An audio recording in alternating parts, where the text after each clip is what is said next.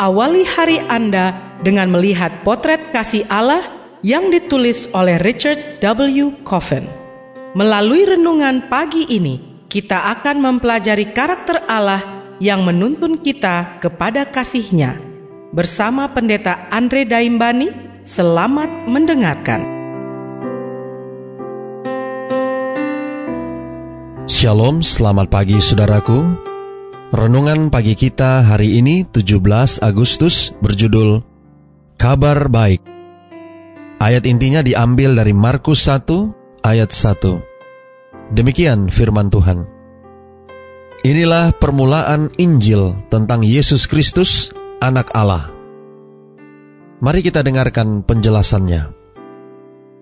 Kita telah menjadi begitu terbiasa berbicara tentang keempat Injil Sampai-sampai kita terkadang lupa betapa pentingnya kata Injil itu.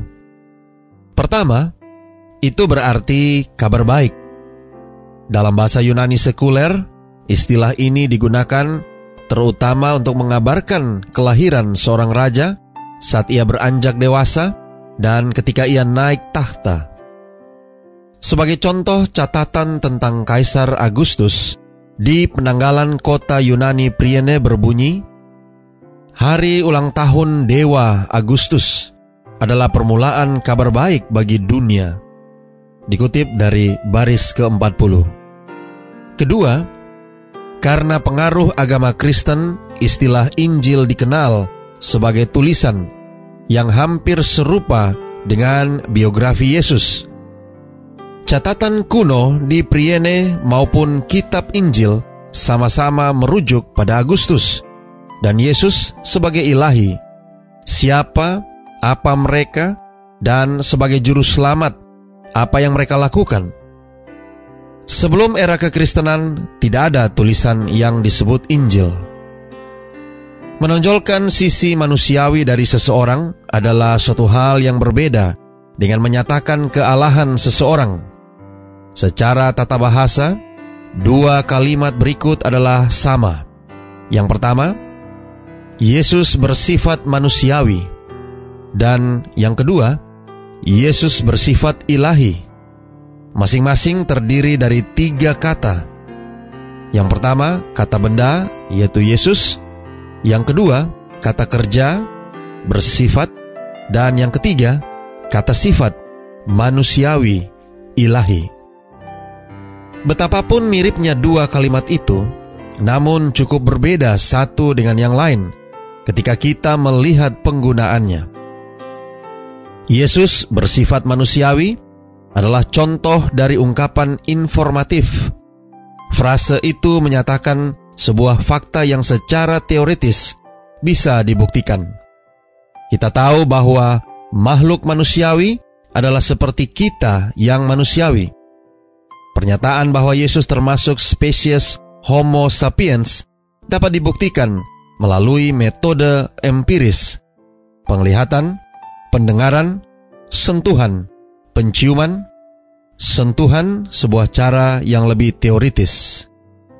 Yesus bersifat ilahi adalah sebuah contoh ungkapan kognitif.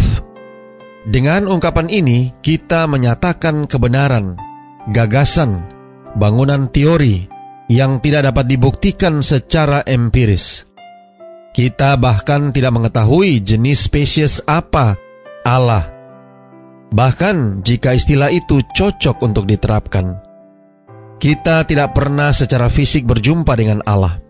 Kita tidak dapat melihat, mendengar, merasakan, mencium, atau meraba Allah. Yesus bersifat ilahi adalah sebuah pernyataan iman, seperti saat kita mengatakan bahwa Gabriel adalah malaikat. Saudara-saudara yang kekasih di dalam Tuhan, kedua jenis ungkapan ini sah-sah saja. Tidak ada yang lebih jelek atau lebih baik.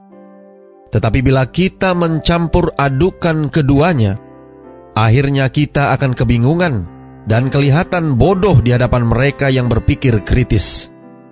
Pengetahuan dan iman adalah dua cara mengekspresikan diri kita. Doa kita hari ini. Bapa, terima kasih. Melalui renungan pagi ini, kami boleh mendapatkan satu pelajaran yang sangat penting dalam kehidupan kami. Terima kasih melalui renungan pagi ini kami diajarkan bahwa kami memiliki kabar baik, yaitu kabar tentang Yesus Kristus anak Allah.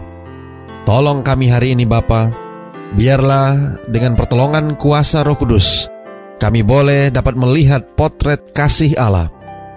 Biarlah melalui kehadiran Yesus saat dia berada di dunia ini, kami boleh dapat melihat sisi kemanusiaannya dan juga boleh dapat melihat sisi ilahinya akan menolong kami agar kami boleh dapat menerima dan menikmati kabar baik yang datangnya daripada Tuhan.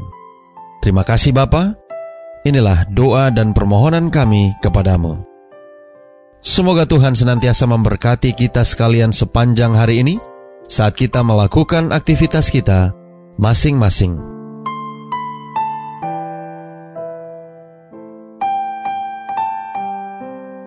Demikianlah tadi pembahasan tentang potret kasih Allah.